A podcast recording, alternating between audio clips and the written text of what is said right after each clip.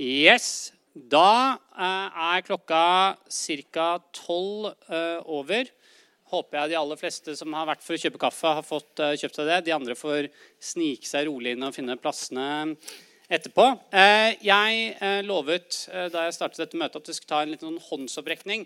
Bare for å lodde stemningen, sånn at jeg kan prøve å beregne samtalen kontra spørsmål fra salen. og sånt. Da. Så hvis vi kan ta en slags ny håndsopprekning nå Hvem er det som allerede nå veit at de skal uh, stille spørsmål? Da er vi én, to, tre, fire, fem, seks. Alle menn. Uh, det, det, det, er helt greit. Jeg bare, jeg bare merker meg det.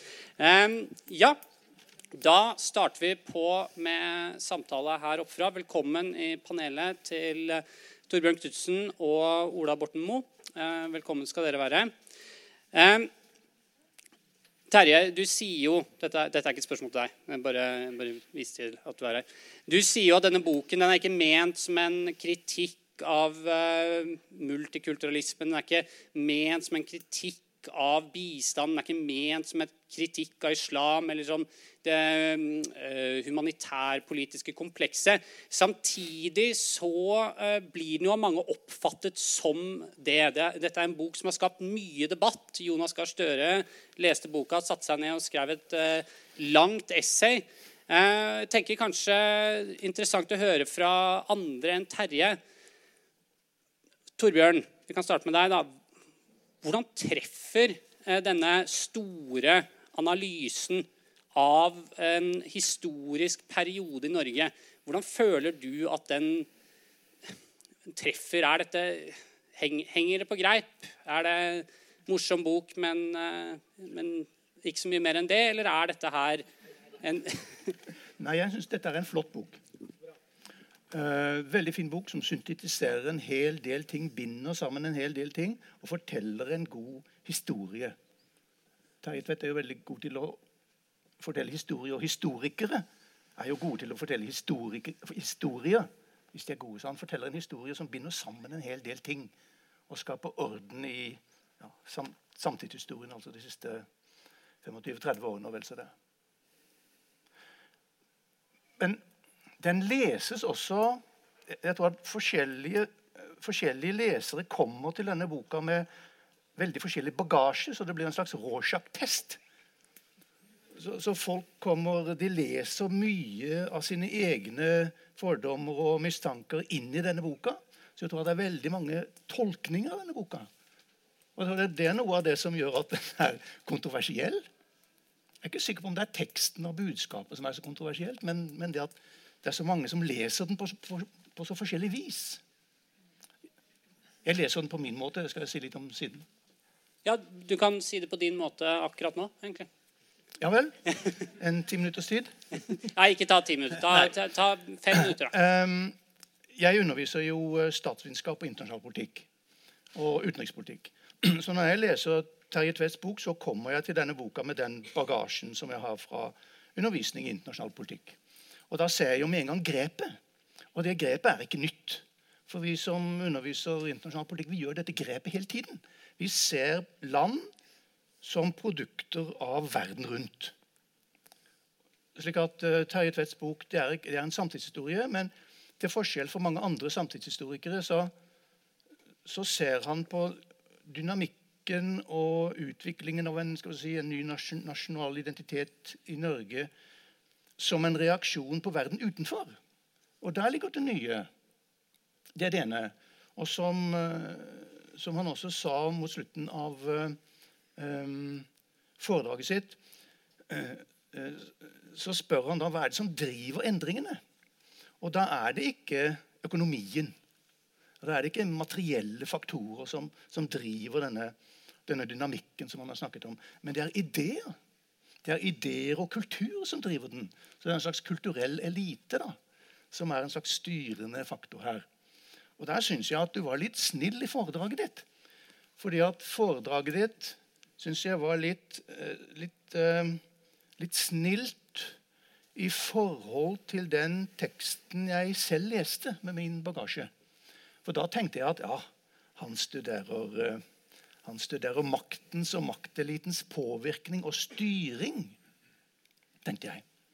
Og jeg kjenner, jeg kjenner grepet igjen fra internasjonale politikkteoretikere fra 1950-tallet. Altså de såkalte klassiske realistene. Så Morgenthau, Henrik Kissinger er kanskje den siste gjenlevende realisten. Og de studerer jo da eh, makt. Og de studerer maktens påvirkning. Eh, og de er veldig, veldig insisterende på at eh, normer og verdier beveger hele nasjoner. Eh, men de er også veldig eh, eh, insisterende på at at det finnes ingen universelle verdier. Altså de normer og reglene som dominerer politikken, gjerne, gjerne folkeretten, de har sin helt bestemte historie. Folkeretten har sin begynnelse et eller annet bestemt sted i en eller annen bestemt tid sier realistene. Morgenthau for eksempel, er veldig klar på dette. her. Eh, og vi, vi, må ikke tro når vi skal analysere politikk, at dette er universelle verdier. Og Det, det kjenner jeg igjen fra Morgenthau, og det er et tema som jeg syns, uh, som jeg syns også uh, uh, lyner gjennom Terje Tvedts bok. Og så var jo denne realismen den, den falt litt på dårlige tider på 70-tallet. da. Men så kom den igjen på ja, på 60-tallet og 70-tallet. så falt realismen på dårlige tider. Men så kom den igjen, kjernepunktene i realismen kom igjen på 80- og 90-tallet i form av en slags sosialkonstruktivistisk tilnærming i samfunnsvitenskapene. Og Den tror jeg Terje Tvedt har tatt med seg inn i boka si. Så det er en realistisk, gammel, klassisk realistisk grunntone her, men modernisert en slags sosialkonstruktivisme og som da ser Norge inn i det store internasjonale perspektivet. Som jeg må legge til syns er veldig fruktbart. Ja, Du mener at det, det, stemmer, på en måte? Ja, jeg har eh, Jeg får jo skryte litt selv og si at for et par år siden så skrev jeg en bok sammen med Halvard Leira og Ivo Neumann som het 'Norges utenrikspolitiske idéhistorie'. Som, som trekker da på realisme og sosialkonstruktivisme, men som bare tar Norges Eh, politisk atferd opp til andre verdenskrig, altså fra 1880-tallet og fram til 1939. Frem til andre verdenskrig. Men det er jo mange av de samme temaene. Det er liberale tema, det er liberalismen, det er troen på det gode og troen på det universelle. Ja. Veldig bra. Da, eh, Ola Borten Moe, eh, i denne boka så får vi jo presentert et, uh, et Norge Eh, ledet av en politisk elite i et humanitær politisk kompleks. Eh, du har vært eh, toppolitiker i, i deler av denne perioden. Jeg vet ikke om du var med å stemme for bombingen av Libya, og, og hvilken rolle du har hatt i disse bistandsprosjektene som blir tatt opp i denne boka, med altså sånn hårreisende, naiv Eh, utenriks, eh, nei, eh, bistandspolitikk overfor Afrika, hvor vi sender kasserte lastebiler til land med, med egne altså transportindustrier. og vi, vi, sender kasser til Afrika sånn at de skal bruke dem som banker mens de driver med mobilbanking. Altså Norge skal redde verden. Men eh, hvordan kjenner du deg igjen i dette bildet? Er, er det sånn si, dere er? Jeg skal ikke snakke på vegne av Terje hvilken rolle du har, men altså, Stemmer, stemmer disse tingene? Ja, jeg syns altså, boka er eh, viktig, betimelig, eh, og tegne et bilde som jeg kjenner meg eh, veldig godt igjen i på flere vis. Så tror ikke jeg at Terje Tvedt eh, fanger hele norsk virkelighet. Fordi at eh, De fleste som bor i Norge, har jo ikke fått med seg at vi ikke har norske verdier. Eh, mange av oss lever jo fremdeles i et nasjonalt fellesskap. Eh, og, eh, men, men i, i denne eh, politisk korrekte, kaller gjerne ekkokammeret rundt de her diskusjonene, så mener jeg Terje treffer på en måte spot on. Og jeg syns boka kler av eh, makta.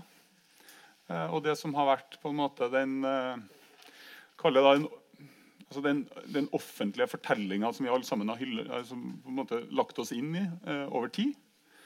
Eh, ta bistandspolitikken i Norge. Altså vi, vi, donerer jo hvert år noen mange og 30 milliarder kroner. Og 1 av brutto nasjonalinntekt. Det er jo et enormt beløp. Eh, men det er jo knapt diskusjon om knytta til hvorvidt de her pengene faktisk virker. I den grad det er diskusjon rundt uhjelpsbudsjettet i Norge, så er det knytta til andelen av statsbudsjettet. At man er nødt til å holde den 1% Så tror jeg at litt av årsaken til at det går bra, det er jo at vi har så absurd mye penger i dette samfunnet at vi slipper egentlig å diskutere det og vi slipper å prioritere. Vi har, på en måte råd til å si at altså, la de greia der bare altså Sånn som Frp og Siv Jensen gjør nå. Jeg tror ikke de er sånn super for det, men de bare tenker at det der gidder ikke vi å ta i. 1 fair enough, ferdig med Ja. Jeg tror, øh, jeg tror ærlig og oppriktig at vi har fått mer igjen for de pengene øh, hvis vi hadde tatt det ut av den store industrien som uhjelpsindustrien etter hvert har blitt, og distribuert det på, eh, på grunnivå, altså til enkeltmennesker over hele Afrika og Asia, de fattigste, og liksom kickstarta økonomien gjennom at alle sammen har fått en dollar eller to dollar eller tre dollar eh, om dagen istedenfor det her enorme transaksjonsapparatet som vi holder oss med, f.eks. Terje, du bare pass på å notere disse tingene de sier. men fordi et viktig eh, innspill i denne boka er jo dette at det er en sammenheng mellom denne universalistiske eh, adopteringen av tankegang og også hvordan vi møter eh, eh, hvordan vi møter innvandring, hvordan vi møter fremmede kulturer, og hvordan vi ser på oss selv i verden. Har det virkelig vært så viktig? Altså Kan bistand egentlig brukes, og, og de ideene brukes til å forklare så mye som man gjør i denne boka her? Det er det eh, altså, Jeg tror det er deler av sannheten. men altså, Du må på en måte legge eh, alt sammen sammen. Men så vil jeg også si at det er jo ikke eh, altså, Det norske offentlige ordskiftet rundt innvandring, integrering eh, og islam eh, er, jo hell, er, er, jo også et ordskifte som er ganske sivilisert. Og vi er jo et samfunn som faktisk er i stand til å snakke om dette. I motsetning til svenskene. Eh, som er enda mye mer politisk korrekt enn en, en den eliten som eh, Terje Tvedt beskriver i boka si. Altså, der går jo den gjengen eh, på speed, rett og slett. Og Det har jo ført til unntakstilstand i svensk politikk. Og Nå skal de gjennomføre et riksdagsvalg. Og den stående avtalen er at Parlamentarismen på sett og vis er satt ut av spill. Flertallet bestemmer ikke, men et mindretall som definerer et, et imaginært flertall. Eh, og Så definerer det ut av Sverigedemokraterna, tar dem ikke på alvor. Og så kan de med rette si at det er oss mot resten.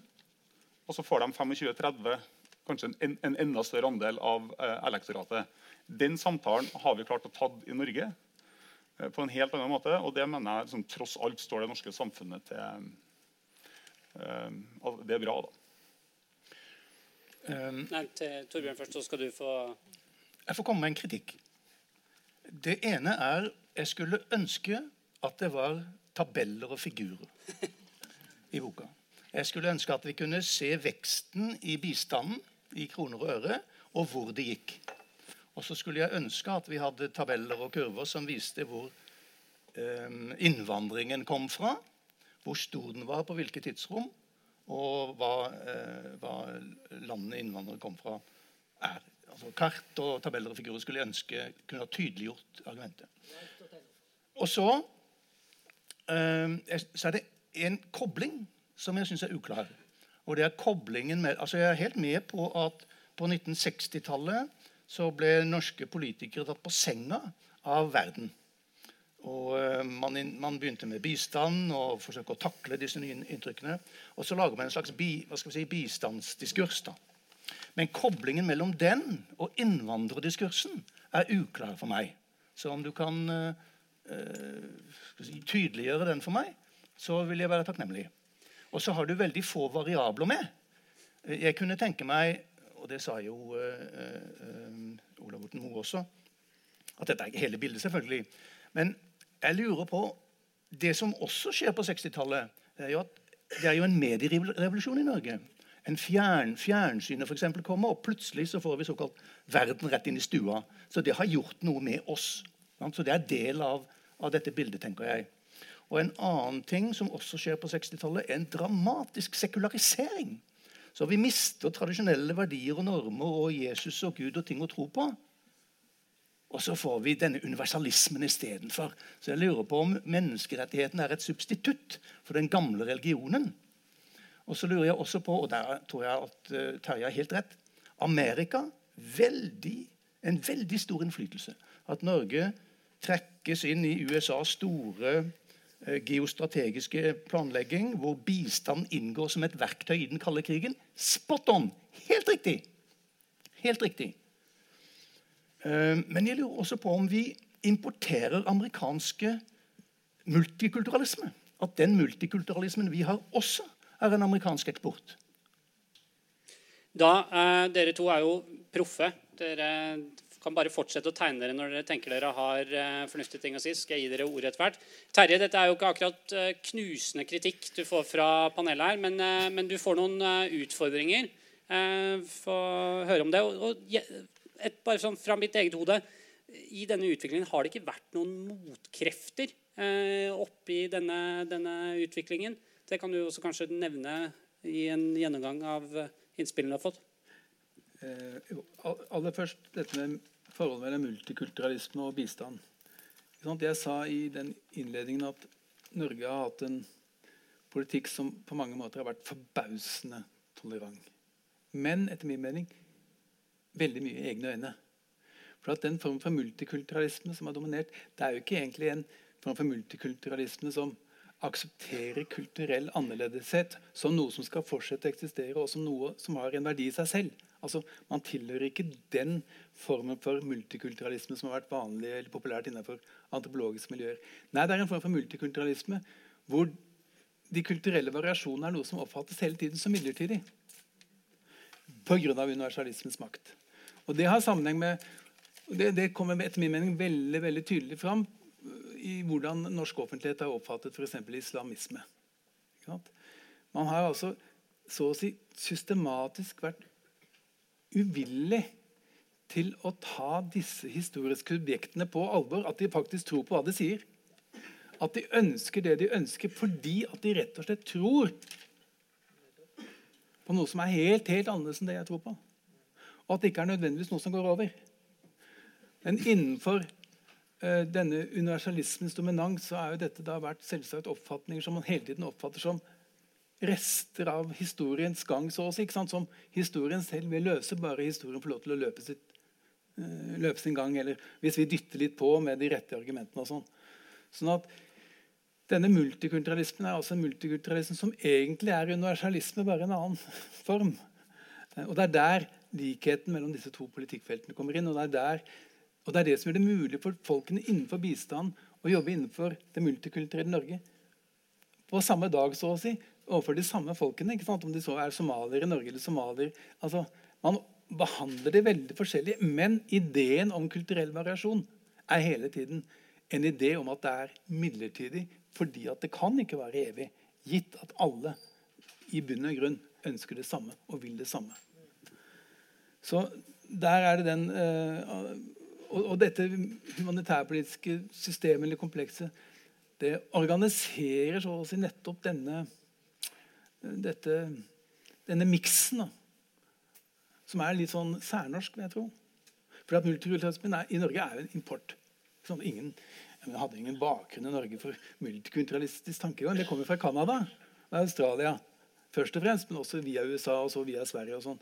Det var jo en helt fremmed idé. Eh, men som da fikk altså sine helt spesielle norske mm, utgaver. Og, og, og, som kunne bli statsbyggingsideologi fordi at den gikk hånd i hånd med universalismen. Hvis ikke så hadde det ikke vært mulig. For Da ville det vært å rett og slett sage virkelig av den greina som denne staten er bygd på. Eh, når det, du snakker om politisk urettighet, Jeg bruker ikke det begrepet. og jeg tror at Det er en av grunnene til at boka har hatt en viss gjennomslagskraft. Jeg prøver, og det, den, og det er det som gjør at den også selvsagt er en kritikk av, eh, av, av makten, kan du si, eller av det som er dominerende. Det jeg prøver på, det er Istedenfor å beskrive det som politisk korrekt, så prøver jeg heller å forklare det historiske festet til disse ideene og disse forestillingene. Hvor kommer de fra? Og det er ved å prøve å forklare det historiske festet at det så også blir tydelig at det er nettopp ideer som har et historisk feste, og som dermed også kan forlates dersom man ønsker det. Altså, det er ikke skrevet i stein så å si, at disse ideene må man ha. Uh, og jeg tror at det er mer hensiktsmessig da. Jeg har alltid ment at det har vært mer hensiktsmessig å analysere dette historisk enn å snakke om politisk korrekthet. Sånn, også fordi at ingen vil være enige om hva som er politisk korrekt. Det er avhengig av hvem det er som snakker. Mens alle kan være enige om at disse ideene kommer derfra. Disse ideene har de og de implikasjonene. Dersom man er enig i premissene. Uh, det siste uh, Skal vi se, hva var det for noe? jo, fjernsyn ja, Jo, altså det er klart at en sånn bok det er tusen ting den ikke kan ta opp. Og tusen viktige ting den ikke kan ta opp. Uh, og ja, hadde jeg hatt ja, det, er, ikke sant, det sier seg selv. Men, men, men, men, det er hvorvidt de valgene er gjort, er uh, forsvarbare, så å si. Og rasjonelle. Det er jo det som er da det sentrale. Når det gjelder fjernsyn, så prøver jeg å gjøre et poeng ut av det. for så vidt. Fordi at jeg sier jo at altså, En av grunnene til at dette humanitærpolitiske komplekset og denne politikken har fått så stor makt, det er jo nettopp at det er det som har etablert de viktigste, eller de eneste nasjonale ritualene som er etablert i Norge etter annen verdenskrig. Og ikke minst er NRKs TV-aksjon her uhyre viktig. Det er Hvert år siden 1974 har man fått inn i stua verdens elendighet og nordmenn som redder dem. Ja, men jo, men, men... Tenk deg hva det har hatt å si for alle generasjoner. ikke sant? Jeg mener 100 000 nordmenn går hver eneste høst ut og samler inn penger. Det er jo fantastisk, vil man si, i et historisk perspektiv. Og samlet veldig mange andre land. Og fjernsynet er jo her det som samler nasjonen. ikke? Men, men jeg, vil, jeg, skal slippe til Ola, jeg så du tegna deg snart, men jeg vil bare spørre deg litt om det. for det, en, en kritikk av boka som har kommet, den er, eh, den er dels eh, på at du er for diskursiv. altså at du, du, Og du sier det jo også selv. Du går inn i de skriftlige kildene fordi det er de objektive kildene. Du går inn i stortingsmeldinger og verdidokumenter og sånt noe. Men dette er jo dokumenter som, som eh, for mange stortingspolitikere, i hvert fall slik jeg har inntrykk av, er på en måte der hvor du bare du, du, går og gjør jobben din, og så lemper du en masse liksom velmenende svada inn i stortingsdokumenter. og de er jo kjempe, Du kan putte hva du vil inn i dem. fordi at du, Så lenge du ikke er liksom knytta opp til budsjetter, så, så, kjempebra. ikke sant? Altså Da kan du si alle de gode tingene der. Og Det samme dette her med, Du, du holder fram de to du holder fram TV-aksjonen, altså OD-dagen, som er liksom to sånne nasjonale dugnader. Altså TV-aksjonen den dukker opp på, på, døra mi hvert år. Da kommer det en eller annen person, eller så kommer det en eller annen sånn klistrellapp, og så vippser jeg 200 kroner til TV-aksjonen. Men jeg må innrømme at jeg husker ikke Jeg aner ikke hva det er jeg har gitt penger til de siste tre åra. Det kan kanskje det på en eller annen måte beviser noe du sier. Sammen med den OD-dagen. Det var, det var vaffelsalg utafor greia. Eller hvis du var heldig så fikk du foreldra dine til å gi deg 200 kroner for å, for å klippe plenen. Og uten at jeg på en måte ble noe sånn merket av dette for livet. Altså, så gir du ikke disse tinga litt for, for, stor betydning? Eh, to ting. Eh, poenget Det er flere ting som er interessant med dette, men Norge har nå holdt med bistand i 100 land i 50 år. Man skulle jo da tro at den norske nasjonen hadde en kunnskap om verden som var veldig veldig stor. Og jeg tror at Norge og norsk befolkningen i forhold til veldig mange andre land har en god del kunnskap. Selv om den er eh, begrenset og har spesielt perspektiv. og sånn. Men i forhold til alle de årene så er det klart at kunnskapen er helt Altså, Jeg har testet dette blant mine studenter. For eksempel, om det er noen som vet noe om Sør-Sudan, et land som Norge har eh, stiftet. Og det er nesten ingen som Sør-Sudan. Hva er det for noe? Og selv eh, disse bøkene som da ledende politikere har skrevet om Sør-Sudan de siste årene, er jo full av etter min mening, totalt mangel på forståelse av hva dette landet er for noe, og hva som er deres historiske muligheter. Til tross for på en måte 50 år. Sånn at Det at man har hatt disse aksjonene, er altså ikke et tegn på at man har blitt klok. Men man har på en måte reifisert en relasjon. Re reifisert? Ja, altså man har, man har gjenskapt igjen og igjen og igjen en relasjon mellom oss og de andre hvor det så har vært nok å komme med gode råd og litt penger, så vil det gå i rett retning. Altså en veldig banalisering av utviklingsproblemet av historien. Det er det som jeg mener er det viktige eh, ved disse prosessene. Skjønner. Eh, Ola? Jeg Jeg tenkte jeg skulle ta litt tak i uh, begrepet politisk korrekt. For det korrekte var det jeg som lanserte her nå. Og Så sa Terje Tvedt at han mente at vi som befolkning var mer polarisert enn vi har vært noen gang i nyere tid. men jeg vil hevde at når du ser på norsk etablert offentlighet, så er den tvert imot ekstremt kompakt, med lite variasjon og eh, den norske offentligheten er overbefolka av hellige kyr som vi ikke diskuterer. Hellige kyr, ja. Eksempler ja, ja, altså Da i overført betydning. Ja.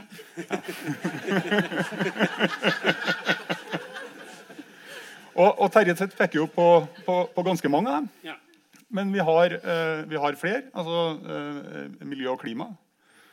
Det er òg et ganske stort kompleks. Vi holder oss jo med en hel dunge såkalte NGO-er som i realiteten er, er finansiert av staten. Regnskogfondet, 136 stykker, betalt utelukkende av den norske stat, men kaller seg en non-governmental organization. Ganske interessant. Der har du akkurat tenker jeg, det samme komplekset. Vi har et arbeidsmarked som støter stadig flere eh, fra seg. Spesielt da blant eh, altså yngre menn. Yngre gutter har trøbbel med å, å komme inn helt umulig å sette inn en kontekst der vi diskuterer det opp mot både arbeidsinnvandring og, eh, og stor innvandring ellers. Vi har et sykefravær som er, er kjempehøyt. Eh, men eh, til og med ikke finanskrisen fikk jo noen til å diskutere eh, sykelønnsordninga i, i, Norge. Altså, det moralske imperativet er jo det at alle sammen går på jobb. Du, det trenger ikke å lønne seg å gå på jobb. Vi har en flyktningdebatt eller en flyktningdiskusjon der der det teoretiske utgangspunktet som alle aksepterer, det er at alle mennesker i verden har en individuell rett overfor den norske stat til å søke asyl her. Ikke sant? Og så stopper vi dem likevel da, for at vi gjør det så vanskelig eh, for dem å, å, komme hit. Men det er åpenbart, åpenbart ikke sånn at, eh, at, vi kan være i nærheten av å ta på oss et sånt ansvar, men vi sier det likevel. Jeg tror at jeg tror at den type bøker som det her, som jeg håper at det kommer flere kan bidra til eh, å utvide eh, norsk offentlighet. Vi klarer jo for eksempel, som han påpeker, heller ikke å ha en sivilisert diskusjon rundt eh, norske verdier. Altså, Hva er det? Fins de? Hva er det som holder oss sammen? Hva er det som gjør Norge til Norge, og hva som skal gjøre Norge til Norge fremover? Og som jeg nevnte til han innledningsvis, altså, jeg, tror at, jeg tror kanskje at det er et slags sånn tidsskille nå der vi har vært gjennom en periode med globalisering og internasjonalisering. Kall det gjerne universalisme. Men jeg er ganske sikker på at nasjonalstaten er i ferd med å få en renessanse. Og at stadig flere, i hvert fall av dem som fremdeles tror eh, at vi lever i en nasjonalstat, ser at vi på en måte vi trenger eh, eh, et samfunn med noen grenser å organisere frie liv innafor. Og Da må det være noe som holder oss i hop. Og hva er det noe for noen ting i Norge i vår samtid og framover? Terje, du hadde en ja, nei, Det var veldig mye interessant det du sa der. Eh, det er bare hadde ett spørsmål i sted som jeg må kanskje kommentere. og Det er dette med disse stortingsmeldingene. Altså i hvilken grad, altså For det første så mener jeg at det er feil å si at jeg bare bør basere meg på sånne tekster. ikke sant? Jeg studerer jo lastebiler i Afrika for eksempel, og teller lastebiler. Teller eh, blå bokser i Rwanda. Eh, følger pengene fra staten til de forskjellige organisasjonene. Bomber i Libya. Og konkluderer jo dermed at eh, det er veldig problematisk å beskrive dem som uavhengige sivile samfunnsorganisasjoner, fordi at de de først og fremst relaterer seg til, jo er staten. Så Jeg, men når det er sagt, så mener jeg at man skal ikke banalisere disse stortingsmeldingene. fordi at særlig på, de, særlig på bistandsfeltet si, så er det involvert store deler av dette humanitærpolitiske kompleks i å utforme dem og i å diskutere dem. F.eks. bistandsmeldingen fra 2016 sier Christian Michels institutt i sin årsmelding at de har vært veldig veldig viktige å skrive. Men Hvor mange er det egentlig som bryr seg? Det er ikke så poenget at dette er det, det litt, uh, jo, men, altså, jo, men mitt, poeng er, mitt poeng er at det er dette språket som er tilgjengelig i de sammenhengene hvor det humanitærpolitiske komplekset skal håndtere verdens kompleksitet. Hva de mener personlig på kammerset, blir dermed noe annet. Altså, de står i et kontinuerlig motsetningsforhold, mange aktører, mellom hva de selv mener, og hva de må mene. Hva som er den offentlige uh, sannheten, så å si, og personlige overbevisninger. Men, og da er, det den offentlige, det den offentlige politikken som er bestemmende. Det er, det som er, og det er derfor disse meldingene er interessante å studere. Men, men, men hva med motkrefter, som jeg spurte deg litt om i stad? Altså, vi har jo hatt Mange. et Fremskrittsparti i, i Norge som jo har, har vært stort og ble større lenge før vi så denne oppblomstringen som f.eks. Ola peker på i, i Sverige og sånt. hvor du fikk, altså, så har Fremskrittspartiet Har ikke de vært en slags for eksempel, da, en motkraft i, i Norge? Jo, altså Jeg studerer jo ikke hele det norske samfunnet, forholdet mellom det offentlige Norge og så å si, det mindre regjeringsorienterte Norge. Det er en annen studie da, som ikke er gjort. Uh, og ja, Da vil du komme inn på Fremskrittspartiet på alle mulige slags andre organisasjoner også, sant, som har holdt på med for sine ting opp gjennom årene. Men jeg mener det må igjen må det være mulig å si at jeg prøver å finne ut hva har vært den offentlige staten, eller hva har vært på en måte den politiske elitens, den led, politiske ledelsens politikk. Og det har jeg da prøvd å forfølge helt konsekvent. da. Vi må snart eh, slippe til publikum. Tiden, tiden løper jo sånn som eh, det alltid gjør. Men, men jeg har lyst til, å, har lyst til å, å ta på dere andre for bare, for bare eh, henge dere på. Men altså, jeg, som jeg nevnte, da, så, så er jo Jonas Gahr Støre eh, skrev jo et essay som svar på denne boka. Det er ikke helt vanlig at, eh, at lederen for Arbeiderpartiet setter seg ned og skriver essay som svar på boka, men han, han satte seg ned og han skrev et essay om denne boka hvor han bl.a. sier sånn at du, og dette er andre kritikere, at du antyder veldig mye kritikk. Du, du, du er kritisk, eh, men, du, men du lar løsningene eh, henge i løse lufta. Altså, du, sier ikke 'hva burde de gjort', eller hva var det, hva er det som er greia. Og jeg tror vel, eh, Nå, nå tar jeg deg til huet, men Jonas Gahr Støre sier vel noe sånt nå at du at det, det sitter igjen et inntrykk at du ønsker en eller annen, du ber om en eller annen politisk vekkelse som skal hjemsøke vårt land. Eh, og, og andre, andre mener vel det samme. altså Mener at du her du angriper masseinnvandringen. Du mener at her er det ting som er gjort alvorlig feil. Men så bare når vi avkrever deg svar, så, så bare sier du jeg er bare en historiker, jeg er bare en forfatter. Hva, hva, hva, hva må gjøres, for å si det med Lenin?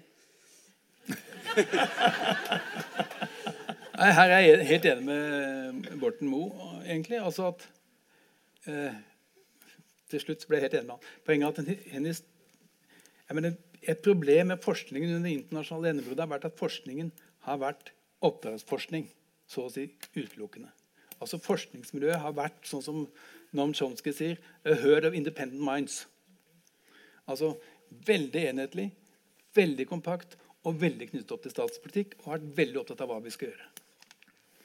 Mens jeg mener da at forskningsidealet om at den uavhengige forsker som skal prøve å beskrive hvordan verden er, men ikke komme med forslag om hvordan verden skal, gjøre, verden skal bli, er nå Det er ikke alltid det er et viktig prinsipp, men nå mener jeg at det er et veldig viktig prinsipp å stå for. Fordi at forskningen har blitt konsekvent nærmest omgjort til politikkens fortsettelse som andre midler i vår tid. Og da mener jeg at det er viktig at noen prøver å stå imot det. Og derfor sier jeg alltid aner ikke. Aner ikke. Torbjørn? Jeg har lyst til å legge en ting til. Jeg leste noen av omtalene av boka før jeg kom hit eh, i, i, i går og i dag. Og Da fant jeg ut at du er anklaget av noen for relativisme. Hva er det Terje Tvedt egentlig mener? Og så er det noen som sier du blir anklaget for å være litt skeptisk til utvikling, fred og menneskerettigheter. Og så blir du anklaget for, å, for selektiv bevisførsel. Og så blir du anklaget for konspirasjonsteori.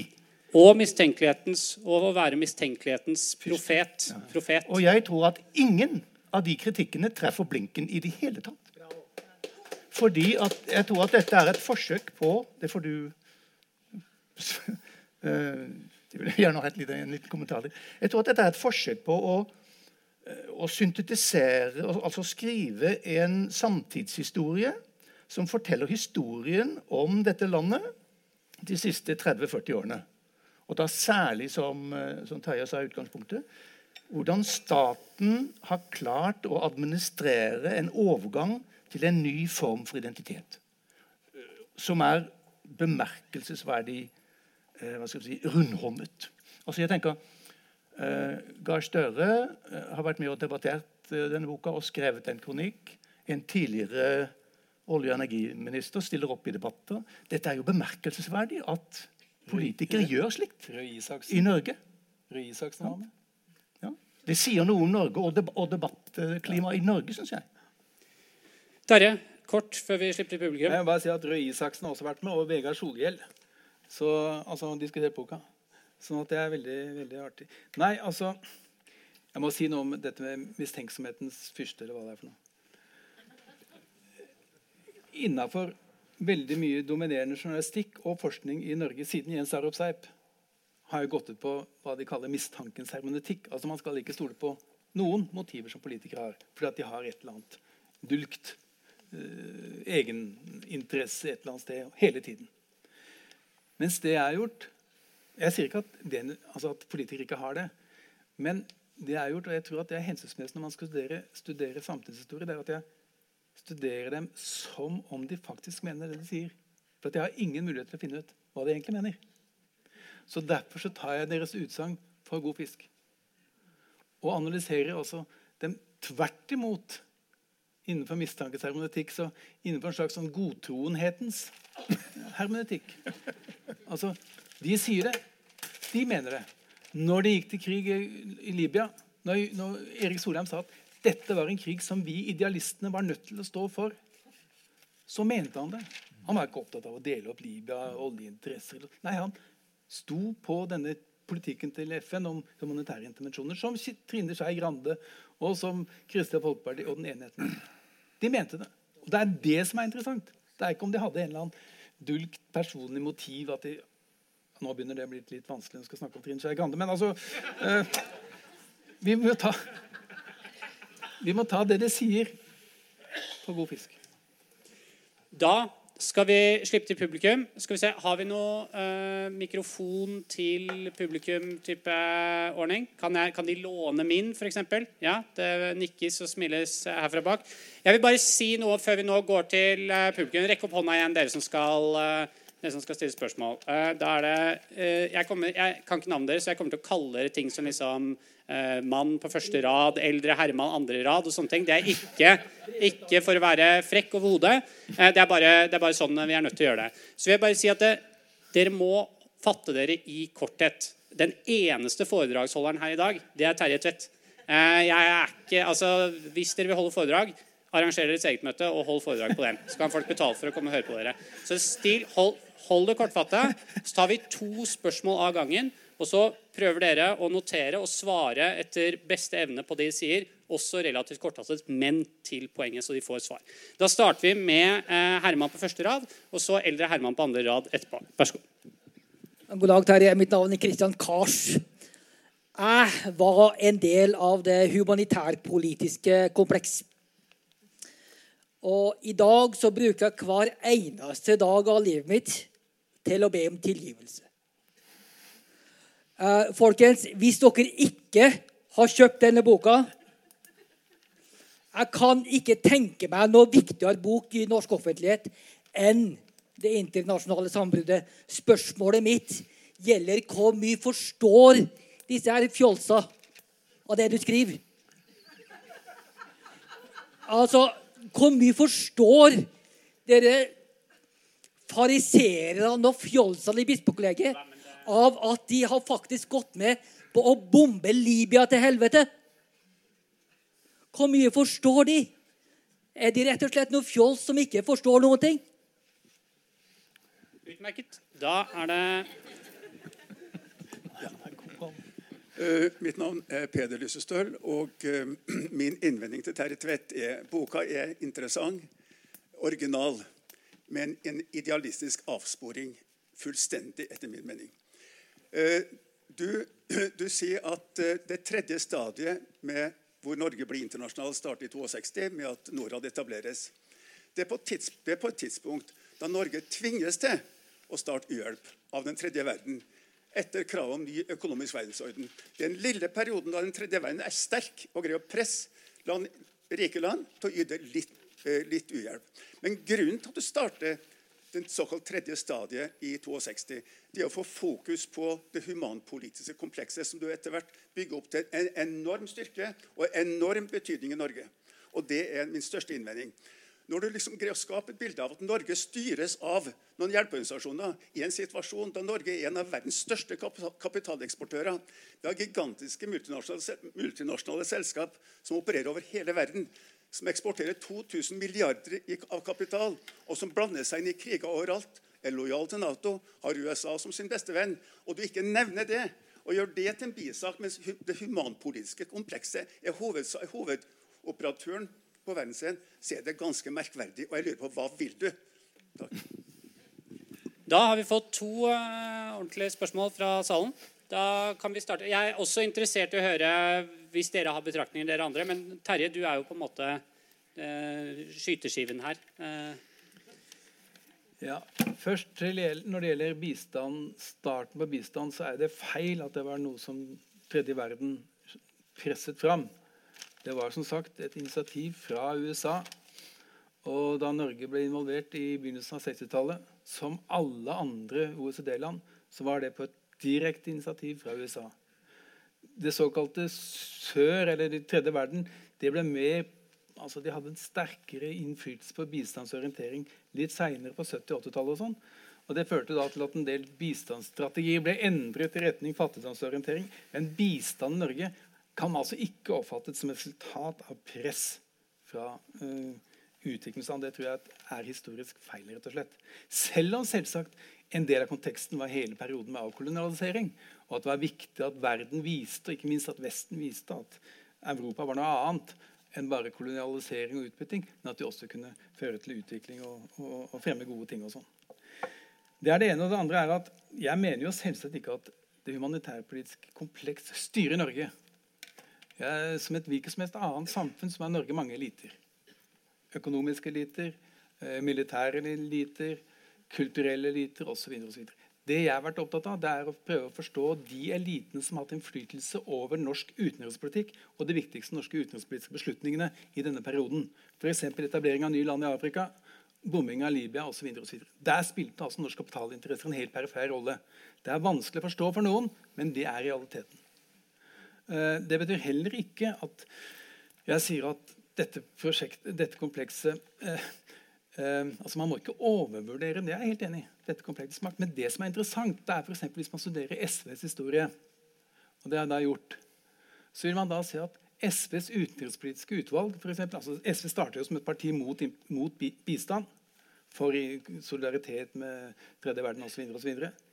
Men i løpet av de siste årene så har hele SVs internasjonale utvalg blitt befolket av folk fra disse organisasjonene. Fra topp til bånn. Altså SVs utenrikspolitiske utvalg er ikke lenger uavhengig av staten. Men alle som sitter og fatter beslutninger, er lønnet av staten innenfor utenrikspolitikken. Det må jo være interessant. Jeg sier ikke at det er det eneste som er interessant. Men det er et fenomen som ikke har blitt studert tidligere. Og Det er det forskning også dreier seg om. Den dreier seg ikke om å alltid si alt som liksom er viktigst, men å prøve å få fram ting som ikke har vært belyst tidligere, i form av ulike perspektiver som ikke har vært anvendt uh, uh, på et tidligere tidspunkt. Så jeg vil absolutt forsvare den avgrensningen jeg gjør, selv om selvsagt jeg ser at det er ting ved Norges økonomiske politikk, Statens pensjonsfond osv. Som er veldig veldig viktig. Oljeindustrien, som jeg ikke har vært inne på i det hele tatt. Som selvsagt også bør studeres som en del av bildet. Men det, er, men, men, det, men det, betyr ikke at dette humanitærpolitiske komplekset er mindre viktig av den grunn. etter min mening. Hva med dette spørsmålet om kritikken? Altså, du skriver en bok. Uh, trenger på en måte kritikken, analysene, inn hos de menneskene som som du beskriver da f.eks. som den humanitærpolitiske eliten? Tror jeg ikke. altså, altså, det kommer an på. Det er klart at vel Hvis du har bygd opp en karriere og en altså en, en, autoritet basert på bestemte forestillinger, bestemte ideer, også oppfatninger og institusjoner, og sånt, så er det ikke gjort over natten å endre oppfatning eller å ta til seg kritikk. Det sier seg selv. Dette er jo mennesker. Men uh, det finnes jeg mener, Borten Moe, uh, Røe Isaksen, selv Jonas Gahr Støre er jo med på en del av denne diskusjonen. altså er med på en del av problemstillingen, for all del. Så jeg er imot å kalle dem fjotter alle sammen. Absolutt. Mange av de er svært oppegående og, og, og, og kloke, spør du meg. Ola? Så Libya eh, Da hadde jeg akkurat kommet inn i regjeringa. Den eh, fikk jeg med meg. Tenkte mye på etterpå. Jeg tror at det var eh, i hovedsak et oppriktig ment argument knytta til humanitær intervensjon. Ikke sant? Eh, og en analyse som, eh, som, er helt feil, og som har vist seg å få tragiske konsekvenser, spesielt i, i Midtøsten. Og hvis du ser Bush når han forklarer når han går inn i, hvorfor han går inn i Irak, akkurat det samme. Jeg er helt overbevist om at han trodde personlig inderlig på at nå skulle befri eh, Irak fra den forferdelige Saddam. Eh, og Det samme var det med Gaddafi. Men det er også et ismett av en norsk interesse knytta til å vise eh, støtte og handlekraft overfor våre viktigste allierte. Og det er en interesse for forsvaret vårt til å vise frem at man har kapasiteter og får levert kort, presist eh, opp, sånn, som, sånn som man skal. Og Det var jo interessant å bare legge merke til etter, den, etter vi hadde gjennomført Libya-bombinga. Altså, norske medier var jo full av heroiske fremstillinger av hvor dyktig det norske luftforsvaret hadde vært. Hvor fort man har kommet seg ned, hvor fort man var operativ, hvor presist man hadde eh, bomba. Og dette her var noen ting som på en måte bygde opp under vår nasjonale stolthet. Jeg tror også at Ta parallellen til, til bistandspolitikken fredspolitikken vår, det er også et smykke for Norge, og det er et smykke for mange av våre politikere.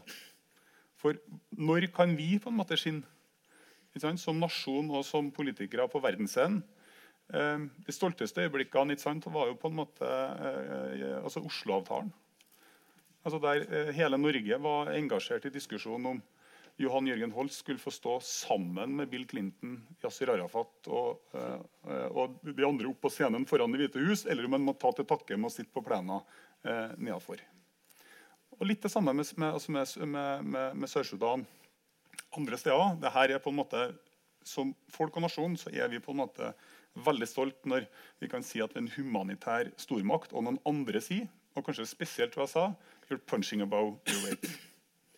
Torbjørn, hadde du noe innspill på Ja, uh, Det er ikke så mye å legge til det som eh, Terje sa. Jeg, jeg, jeg er helt enig i at uh, norsk bistandspolitikk er ikke kommet i stand pga. noe press fra den tredje verden.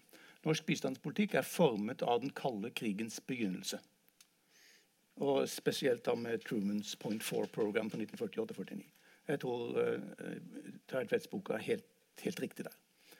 Så, um, Ja, jeg tror jeg lar, det, la resten ligge. Da, uh, nei, nei. nei, nei. Nå, nå skal vi se. Ja, men det bisk, har biskop ja, Men Terje sa at han ikke er glad i å kalle folk fjols, så det er ikke jeg heller. Så da eh, skal vi se. Da er det mm, har, Gidder du å bare frakte Da skal vi først ha eh, eldre herremann i blå genser der borte. Og så yngre herremann uten hår med skjegg der. Yes.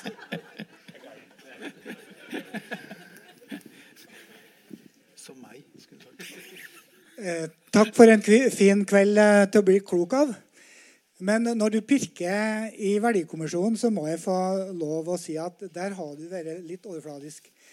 Eh, du tar et utgangspunkt i det Bondevik har sagt, men vi hadde jo et mandat i Verdikommisjonen. Og Der sto det ikke at vi skulle identifisere de kristne verdier, men vi skulle identifisere norske fellesverdier. Fordi at de kristne verdier gjaldt ikke lenger. Det var det som lå under. Eh, og da eh, var det en klok dame, sikkert, som heter Kristin Clemet, som fant ut ganske fort at det her er en mission impossible. Og flere av oss ble jo sinte. Vi ble jo irritert. Vi mente jo virkelig at prosjektet var gjennomførbart. Men da vi kom ut på andre sida, så måtte vi konkludere med at Norge var avkristna. Det måtte være tungt å høre for Bondevik, men eh, sannsynligvis sant. Eh, vi konkluderte med at det går ikke an å finne fellesverdier sånn som det norske samfunnet har blitt. Men vi konkluderte med at det går an å finne fellesskapsverdier. Og hvis du leser i sluttrapporten vår, så står det om det. Og på overtid så har jo eh, Per Fugelli, som var medlem i Verdikommisjonen, eh, faktisk fått med seg en god del av det norske folk på at vi har noen fellesskapsverdier som vi kan bli enige om. Eh, det var eh, meningsinnholdet. Spørsmål. Jeg har bestandig lurt på hvor det har blitt av pietismen i Norge. Gikk den bare under jorda? Håper, jeg vet ikke hvilken bok jeg skal finne ut av det, men har du i hele tatt skrevet om norsk misjon? Jeg tror at, Og hvis du har det, så tror jeg jeg vil spørre deg Er det humanistisk-politiske komplekset pietismens gjenoppsand?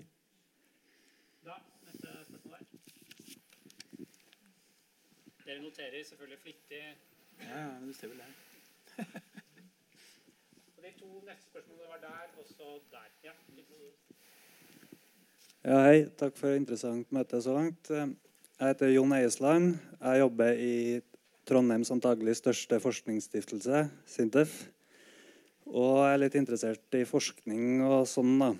Eh, eh, dere, eh, dere, var den så vidt inn på forskning i stad.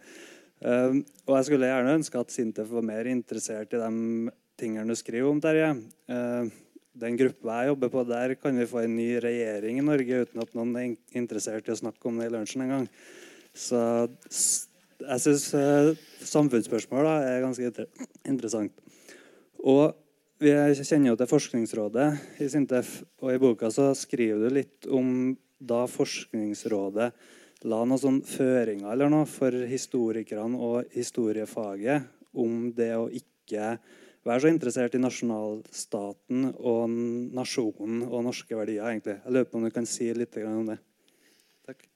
Da har dere fått to eh, veldig bra spørsmål, eh, vil jeg si. Eh, Terje, vi starter med deg igjen. Ja, først Verdikommisjonen. Jeg er klar over det at det skjedde en endring med mandatet. Eh, men det mandatet var allerede et uttrykk for at Bondevik hadde mistet kontroll over hva Verdikommisjonen skulle være. Fordi at han hadde et annet utgangspunkt, men pga. motstand i Stortinget så måtte dette formuleres på nytt. Og det fikk da et mandat som ikke eh, hadde det i seg som Bondevik opprinnelig ønsket at skulle ha i seg gjennom sine taler over Domkirken og i Stortinget. som sagt. Disse fellesskapsverdiene Poenget er at ja, det var forsøk på å formulere noen fellesskapsverdier, men det er jo fellesskapsverdier som det er veldig vanskelig å tenke at hele det nye Norge vil slutte opp om på den måten som eh, det ble beskrevet der. Hvis man også med det nye Norge tenker på islamister, eh, hvis man tenker på eh, hadde sagt Hvis du er hindunasjonalist eller hindu altså, Det finnes mange grupperinger i Norge som i dag vil ha store problemer med å akseptere det som en del av deres fellesskapsverdier. Eh, det er Per Fuglis pluss noen til, eh, hvis man skal være litt streng. Eh, sånn at jeg tror ikke at altså, kan ikke, Man kan ikke Historiens dom over, de, over, over det sluttnotatet er altså ikke at endelig var man i stand til å formulere samfunnets fellesskapsverdier. Jeg vil snarere si at det tydeliggjorde at det ikke lyktes. Heller ikke i den endelige rapporten. Så til det siste. Det der med Forskningsrådet. Altså Det som er historien, var at i 2008 Det sier noe om hvordan ideen om nasjonalstaten sto. Så organiserte Norges forskningsråd en skandinavisk evaluering av norsk historiefag. Og den konkluderte med at det å være opptatt av nasjon eller metodologisk nasjonalisme, som han sa, det var rett og slett skadelig og feil. Altså Man måtte forlate prinsipielt den nasjonale arena, og så kan man begynne med lokalhistorie eller eh, et eller annet globalt historie, men for all del ikke den nasjonale. Og Det interessante er jo at det ble akseptert, så å si, uten sverdslag, av et historiefag som jo ble etablert ved å skape forestillingen om den norske nasjonen. Så for meg så var det da et sånt høydepunkt når det gjaldt den måten å tenke på innenfor norsk intelligensia, eller innenfor norske forskningsmiljøer. Etter min mening, I et langt historisk perspektiv, samlet med 1800-tallet, samlet med Tidemann og Gude, samlet med Molte Moe, samlet med Munch, altså alle de der som drev og skrev nasjonens historie, så må det jo fortone seg helt underlig at en stat sier at nasjonen er passé som forskningsfelt. Interessant. Da tar vi eh, de siste to spørsmålene, som er eh, ja, to yngre herrer på samme rad. Du finner dem.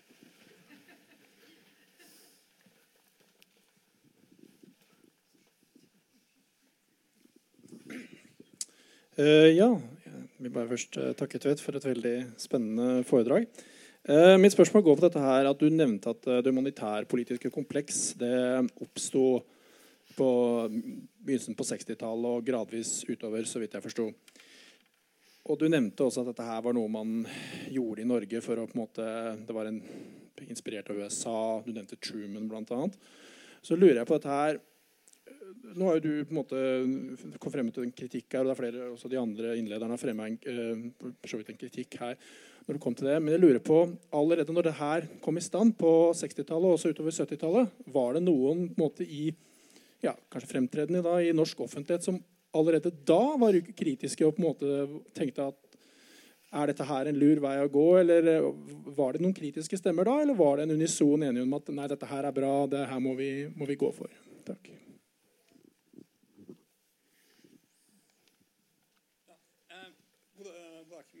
Spørsmål bare litt i forhold til eh, religion. Nå har ikke noen av dere direkte religionsvitere, tror jeg.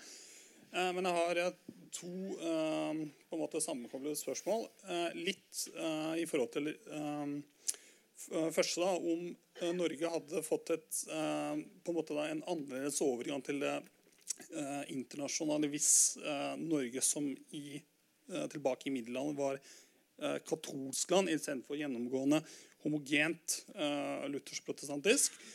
Og nummer to uh, altså, uh, Hvordan ser dere på f.eks. Uh, altså innvandrer, innvandreres Da tenker jeg særlig norsk-pakistanske Mohammed Osman Rana, Osman Ranas bidrag, uh, f.eks. boka 'Norsk islam'.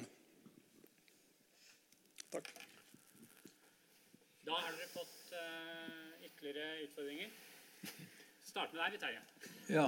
Eh, det første først. Altså Ja, da bistand startet, så var det jo kritikk. ikke sant? Altså, Deler av det som da het Sosialistisk Folkeparti, var jo sterkt kritisk til bistand og oppfattet det som en del av uhjelp som imperialisme. ikke sant? Det var en boktittel som ble gitt ut av Pax, bl.a. Og etter hvert så fikk du da selvsagt uh, også kritikk. altså Fremskrittspartiet ble som parti til dels etablert som et anti-uhjelpsparti. Eh, men stort sett så var det sånn, og det var igjen kanskje tilfeldige sammentreff av ulike historiske bevegelser. På den ene siden så fikk du da etablering av dette internasjonale bistandssystemet. Og en god del penger i det norske statsapparatet ikke sant, som gjorde det mulig å finansiere. På samme tid så hadde du da en tredje verden-bevegelse, en solidaritetsbevegelse med tredje verden som var i ferd med å gå ut uh, kraft, med kraft. altså gå ut, gå, Miste stimen, for å si det sånn. ikke sant? Den denne sterke solidaritetsbevegelsen mobiliserte mange energiske mennesker i dette landet som fortsatt ønsket å vise solidaritet med de fattige i ikke-europeiske verden.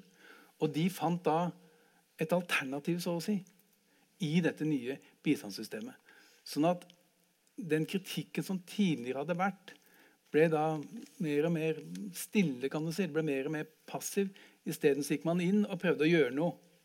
Og reformere, gjerne det bistandssystemet som var, og gjøre det mer fattigdomsorientert osv. Så, så, så det innebærer at den kritikken som opprinnelig var, den ble så å si kooptert, hvis man tenker eh, eh, konspiratorisk. Jeg tenker ikke sånn i det hele tatt. Men altså, det var en naturlig utvikling fra det ene til det andre. Så nei, det var veldig veldig liten kritikk, særlig når det gjaldt involvering av de frivillige organisasjonene. Det møtte en 100% oppslutning fra det norske samfunnet. Så å si. Når det gjelder det siste vi skal svare på, det Osman Rana altså Den boka den er veldig interessant. Uh, og det som er uh, det mest interessante ved den, det er jo at han kaller boka 'Norsk islam'. Uh, den er ganske godt skrevet. men det interessante ved den det er jo at konklusjonen er at islam for all del ikke må reformeres. Altså, han argumentere mot de som håper at islam skal gjennomgå en reformasjon og dermed bli mer lik så å si kristendommen, eller følge protestantismens eh, ref, altså reformasjonens vei. Han argumenterer helt mot det. Islam kan ikke reformeres. For at de hellige tekstene er de hellige tekstene. Og Mohammed er Allahs profet osv. Det er beyond question. Det det dreier seg om, det er hvordan skal da muslimer som tror på dette, tilpasse seg og leve innenfor et moderne, sekulært norsk samfunn. Altså, Det er ikke snakk om å tilpasse religionen det norske samfunnet, men det er å tilpasse seg selv det norske samfunnet, samtidig som man bevarer de ortodokse islamske trosoppfatningene, politisk også. Da eh, har jeg et siste spørsmål til panelet før vi runder av for eh, i dag. Fordi eh, Terje, i boka dette, Jeg retter ikke deg. Bare, eh, vi starter med deg, faktisk, eh, Ola. Og så jobber vi oss ned, så kan Terje kan avslutte. Men i denne boka så framstilles, føler jeg, denne, denne adopteringen, altså denne oppslutningen rundt disse universelle verdiene som, som noe som er veldig bredt utbredt. Men denne boka, og også mye annen debatt i samfunnet, føler jeg er, markerer et brudd med en slags sånn der universell aksept av universalismen, hvis, hvis, man kan si det sånn. Og det jeg lurer på, Hvis man aksepterer da eh, dette internasjonale gjennombruddet som en periode, er vi nå på vei inn i en annen, ny periode? Ola Borten Moe. På, på, liksom, på ja. ja, altså jeg, jeg, tror på sett og vis det. Eh, at globaliseringa har Uh, hvert fall hvis du, går, uh, hvis, hvis, du tar på en måte den uh, kulturelle og den verdimessige forankringa, så tror jeg den har begynt på en måte å komme til, til veis ende. og det ser man i den vestlige verden òg. Det tydeligste uttrykket er selvsagt Trump i USA. Men du ser det også i mange viktige land i Europa, der både valgene og valgkampene gjenspeiler en helt annen virkelighet enn den man opplevde for ganske kort tid eh, tilbake. Og et av, de, ja, altså et av de, store spørsmålene eh, som sosialdemokratiet bør stille seg, det er jo på en måte hva er vår, altså, hva er vår plan eh, i Norge og i eh, Europa? Eh, kommer Arbeiderpartiet til å klare i Norge å redefinere det her, som gjør at de vokser opp igjen på noe vi tenker er en en slags normalsituasjon, eller kommer det samme til å skje i Norge som har skjedd i Europa for øvrig, nemlig at sosial, de sosialdemokratiske partiene blir som alle andre partier små? Ja. Det er for tidlig å si. Men eh, det som har vært det norske sosialdemokratiets største suksess, og det var jo først da man fikk gjennomslag, det var jo når man forsto at det var et nasjonalt prosjekt. Og det var jo da man også bytta navn, og man kalte seg sjøl Det norske eh, Arbeiderparti. Og sosiale, Sosialisme på norsk har bestandig vært en nasjonalt fundert eh, sosial eh, tilnærming. Eh, og den historien tror jeg på sett og vis er i ferd med eh, å komme tilbake. Jeg tror, eh, jeg tror den nasjonale ramma altså kommer til å få en renessanse. Jeg tror vi går et politisk ordskifte i møte som kommer til å være mer realistisk og ærlig Uh, en, uh, altså, Terje Tvedt uh, avklærer jo deler av makta, tenker jeg. litt som, altså keiseren, altså, Han peker på en måte på keiserens nye klær. Kall en spade for en spade. Kom oss videre. og så tror jeg at Den største hemskoen i Norge for å ta alle disse diskusjonene og komme oss videre, det, det, altså det er det her enorme, den her enorme oljerikdommen vår som gjør det at ethvert problem kan vi bare pælme penger på til det holder kjeft. Og det gjør det. Bare du kaster nok. ikke sant?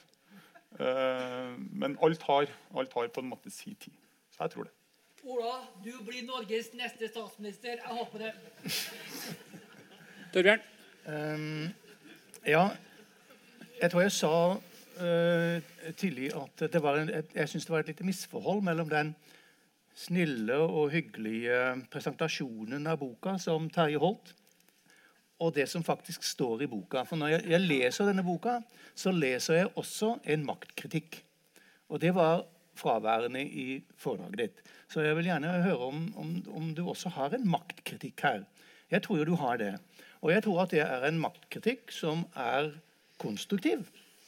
I den forstand at de som leser boka, og, og det, det denne debatten gjør, som raser rundt land og strand, du reiser vel rundt nesten som Circus Arnardo i gamle dager nå? At den øker bevisstheten om hvor vi har vært, og hvordan vi har kommet hit vi har kommet. Og hvordan vår kultur og vår bevissthet er. Altså, det er åpenbart at den bevisstheten som du beskriver i boka, er veldig naiv. Og jeg håper at vi kommer forbi den. Og jeg håper også at vi kommer forbi denne, uh, denne uh, si, menneskerettighetsnaive universalismetanken. Og denne avstanden til anti-innvandring. Altså, jeg håper at det blir en slags en syntese i sentrum av denne debatten, og ikke de to, disse to store motsetningene mot, mot hverandre. Men så ser jeg også det som, eh, som Ola peker på, at selv om Norge har endret seg ganske dramatisk, så har andre land i Europa endret seg langt mer enn Norge. Vi har faktisk endret oss forholdsvis lite. Hvis vi ser på Det norske partisystemet for, har vært forholdsvis stabilt siden mellomkrigstida. Når vi går sørover i Europa, så er det noe helt annet. I Frankrike gaullismen er vekk. Sosialismen måtte selge hovedkvarteret sitt forleden, for de hadde ikke penger. Sant? Og vi har Le Pen, og vi har dette helt underlige nye partiet. Sant? En marche. Så en voldsom omkalfatring som vi ikke har opplevd ennå, kanskje. Så står vi overfor et voldsomt hamskifte. Eh, noe av det som jeg syns er veldig godt håndverk med Terjes bok, er at han, han skriver argumentet sitt inn i norske klassikere. Han, han binder seg opp mot Seip sant, og mot Slagstad og denne debatten. Det er veldig godt gjort, syns jeg. Eh, men jeg synes, Og, og, og du, nevnte, du, nevnte, denne 1800-tallet, som mange tenker på som det store hamskiftet på 1850-tallet. Men du skriver jo egentlig om et hamskifte på 60-tallet. Et voldsomt, eh, et voldsomt uh, hamskifte jeg, altså, det var en del spørsmål her om religionens rolle. og Jeg stilte spørsmålet opprinnelig til deg. Er det noe sånn som at vi er et religiøst troende folkeferd, men fordi at vi er sekularisert så voldsomt, så raskt på 60-tallet, så eh, investerte vi denne troen inn i sekulære, universelle verdier eh, eh, istedenfor. Og det er noe underlig med dette hamskiftet på 60-tallet. fordi det var en hel rekke radikale bevegelser som ville ødelegge det som var. Det var en hel rekke revolusjonære bevegelser. Mark, eh, Marxismen-leninismen f.eks. skulle ha revolusjon. På norsk. De skulle jo ikke skade noen, men de skulle ha revolusjon. Sånn. Så det var noe dramatisk, bevisst, villet omkalfatring. Og jeg tror at Terje peker på noe veldig viktig her. At det var et hamskifte som vi lever med nå. Men, men står jo for et nytt et? Det vet vi ikke. Terje? Siste avsluttende bemerkninger? Ja, nei, jeg tror at det er, eh, det er, mange som spør at nasjonalstaten er på vei tilbake. Det kan godt hende, men det kan også godt hende at globaliseringen vil ta nye former. For det er jo tross alt veldig sterke økonomiske interesser bak en fortsatt globalisering. Eh, det er bare å nevne Internett og Amazon og alle de store selskapene.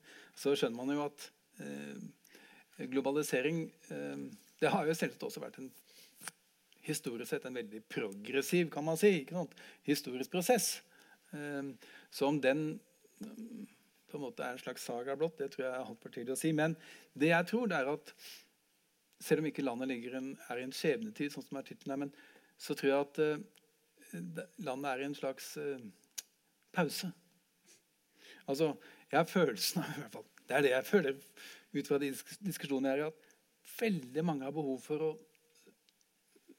sette seg litt ned og reflektere over hva som har skjedd til nå. For alle ser at det har skjedd veldig mye. Og spørsmålet er hvor skal vi gå fra nå? Hvor skal vi henne? Hvor vil vi henne? Altså, jeg tror at den diskusjonen kan nå være mye mer pluralistisk og åpen enn det den kunne for noen år siden. Um, og Det er jo det som er fortrøstningsfullt. ikke sant? Og så er jeg helt enig med deg at Arbeiderpartiet, hva de gjør, er jo selvsagt veldig veldig avgjørende for det norske samfunnets fremtid. Eh, om de håndterer eh, dette nye multikulturelle samfunnet på en, eh, på en antakeligvis en mer fornuftig måte da, enn det de har gjort til nå, vil det være veldig, veldig avgjørende. når det gjelder Jeg er enig med deg, altså jeg sier jo at menneskerettighetene er blitt en sekulær statsreligion. Det er overtatt. Og det har sine ypperste prester. Og det har sine domstoler. Og det har sine hva heter det, gapestokker. Og det er en religion som jo på mange måter gir de som er sjefsfortolkerne, en makt som de gamle prestene ikke hadde, for at de måtte tross alt underordne seg Gud. De som har og kan fortolke menneskerettighetene, de må ikke underkaste seg noen. De må ikke underordne seg noen. Fordi det er deres innsikt i hva som er menneskerettighetene, som er gjeldende. Altså Det er en enormt potensielt maktinstrument. Som etter min mening har hatt betydning på veldig, veldig mange områder. Og i den forstand er det klart at dette er en maktkritikk. Men det er mer en forskjell på tydeliggjøre disse tankemønstrene enn at det er liksom et forsøk på å gå etter den eller den eller den personen, selv om mange oppfatter det sånn. Men det er fordi at historien er båret av subjekter. Du kan ikke skrive en historiebok tom for personer. Det skulle jeg likt det kunne jeg gjerne ha gjort. Men de har jo vært der. Du må henge disse ideene på noen, og da er det dessverre noen som får den byrden. da. Eh, selv om det er ikke Du kan verre byrde kanskje enn å stå i en bok. Eh, ja, sånn at det er det, jeg, jeg tror at denne sekulære statsreligionen jeg tror at det er den det er den som uh, ikke rister i sine grunnvoller, riktignok, men som nå står på et mye mer usikkert grunnlag enn det den har gjort de siste tiårene. Da avslutter vi der, Terje. Tusen, tusen takk til uh, publikum. Og tusen takk til strålende panel.